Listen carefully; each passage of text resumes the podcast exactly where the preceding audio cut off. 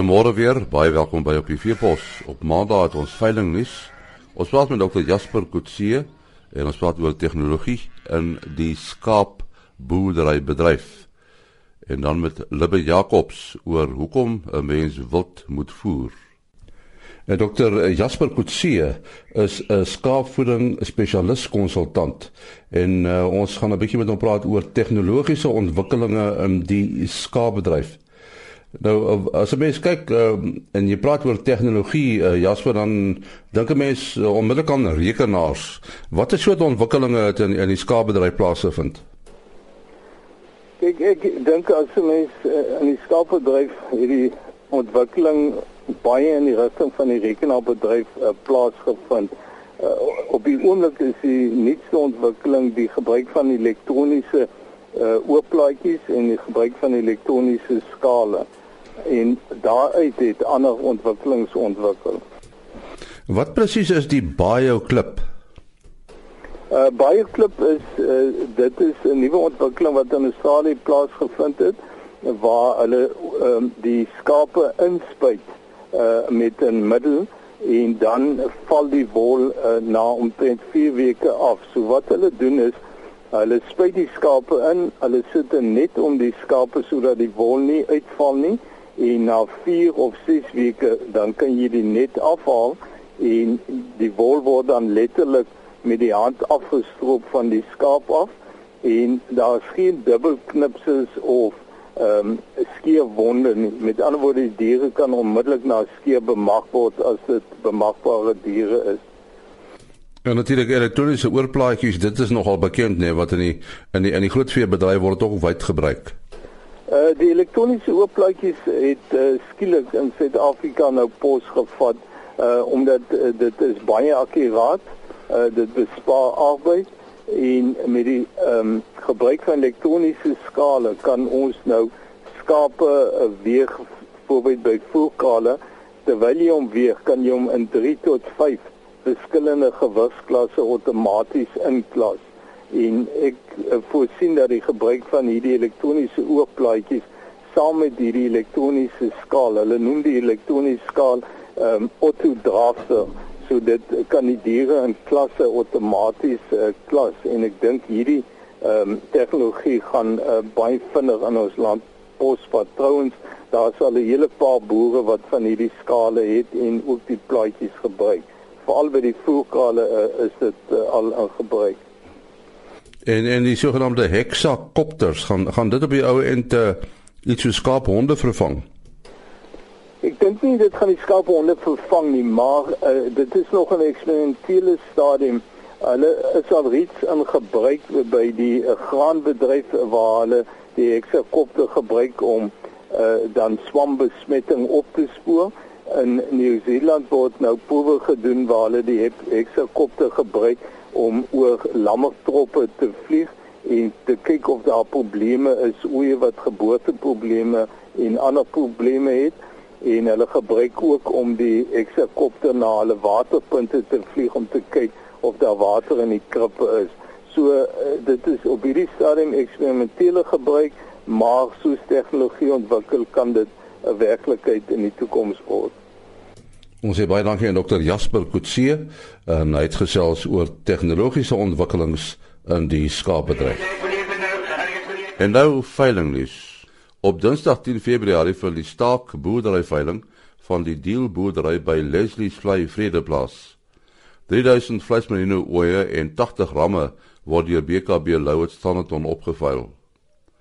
Die Proeveld Bonsmara veiling vind op Woensdag 11 Februarie by die Vryburg skougronde plaas.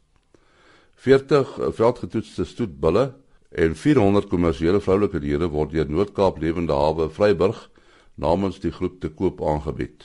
Freddy en Mark Smit van Kromspruit se veiling van Bovelder beeste en Donie Merino skape word op Donderdag 12 Februarie deur BKB Louet Frankfurt by Stormhoek Vrede aangebied.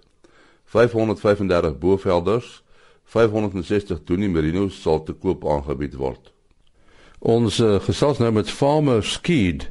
'n Farmer, watter omgewing boer jy? Dit is 'n Escort in Mooi Mooi rivier in KwaZulu-Natal. En en waarmee boer jy? Watter beeste? Ons doen met die Simmons beeste. Ehm um, vir baie jare lank hier hier geboer met die beeste. En dit is 'n vleisbees. Ja, dit is 'n vleisbees.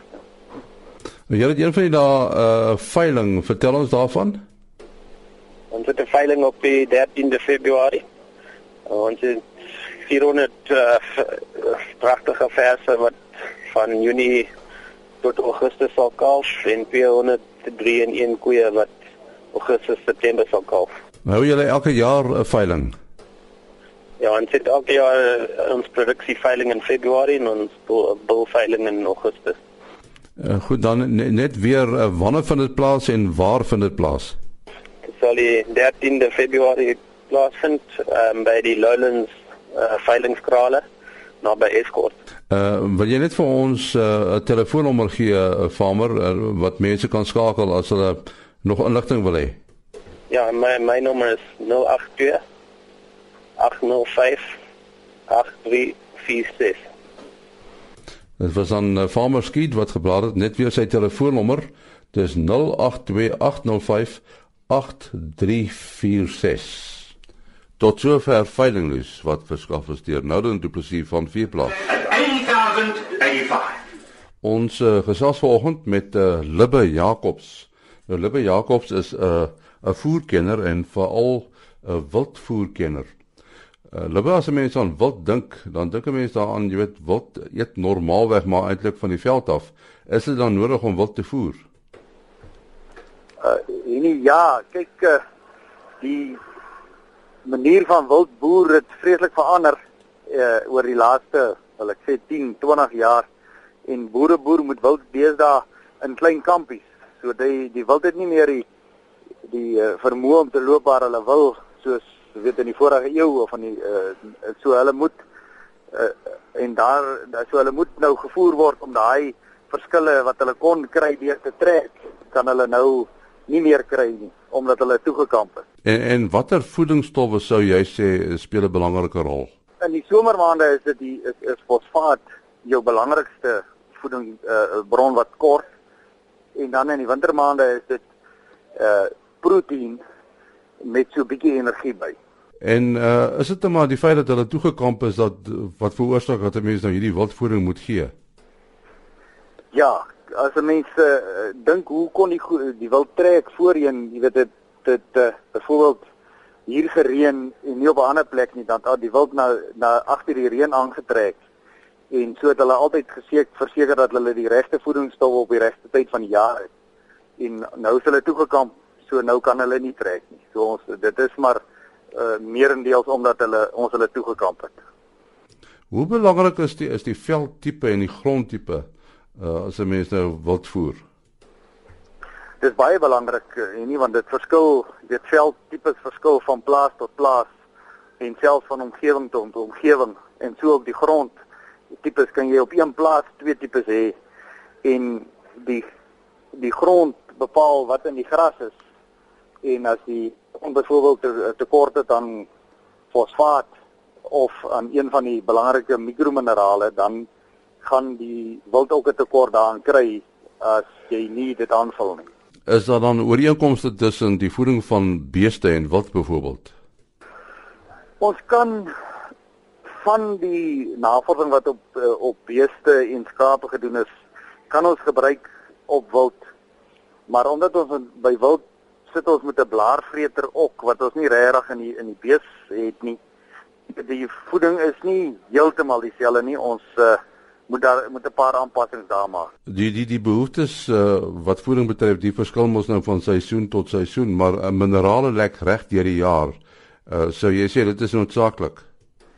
Dis baie noodsaaklik uh, nie want uh, uh omdat ons met uh, die die die grondverskille sit en die uh, ook die uh, veldtipes verskille asook die feit dat ons uh, die wild deesdae laat die ouens hulle lam dwars deur die jaar, lam of kalf dwars deur die jaar, moet ons hulle uh uh behoeftes aanvul in daai kritieke tye sodat jy is dis altyd 'n 'n baie goeie praktyk om 'n mineraal lek dwars deur die jaar aan te hou. En nou in die winter, hoe maak 'n mens in die winter? In die wintermaande uh, is die eerste beperking uh, ding soos ek net nou voedingsstof soos ek net nou gesê het, proteïen. So dan moet ons proteïen aanvul en uh, die by wild uh, gebruik ons meestal uh natuurlike bronne van proteïen en nie urium nie omdat die wild so geweldig duur is is die kans vir vergiftiging met urium altyd daar en nou wil nie so ons gebruik natuurlike bronne soos koringsemels, sonneblomoliekoek, katoenoliekoek uh wat ons nie regtig gebruik nie en dan lucerne is die ander uh, bron wat ons gebruik by wild. En uh, moet mense verskillende wildsoorte in gedagte hou? Blaarveters, grasveters. Ja, mense moet dit in gedagte hou. Uh byvoorbeeld as jy blaarveters sou voer, uh is, is die behoefte aan die uh aan voedingsstowwe laer omdat die blare se verteringbaarheid is meestal hoër omdat hy beter kan selekteer, jy weet want daar's altyd bome met groen blare uh waar 'n grasvreter nie die kans het om te kan selekteer vir groenheid as dit in die winter of in die droë tyd begin word nie. So jy jy moet dit in ag neem, jy moet dit in ag neem. En goed, Libbe, jou telefoonnommer? My nommer is 082 610 7491. Dit was dan Libbe Jacobs gepraat oor die uh, voeding van wat 082 610 7491. Môreoggend is ons terug om kwart voor 5 tot dan mooi loop. Ah.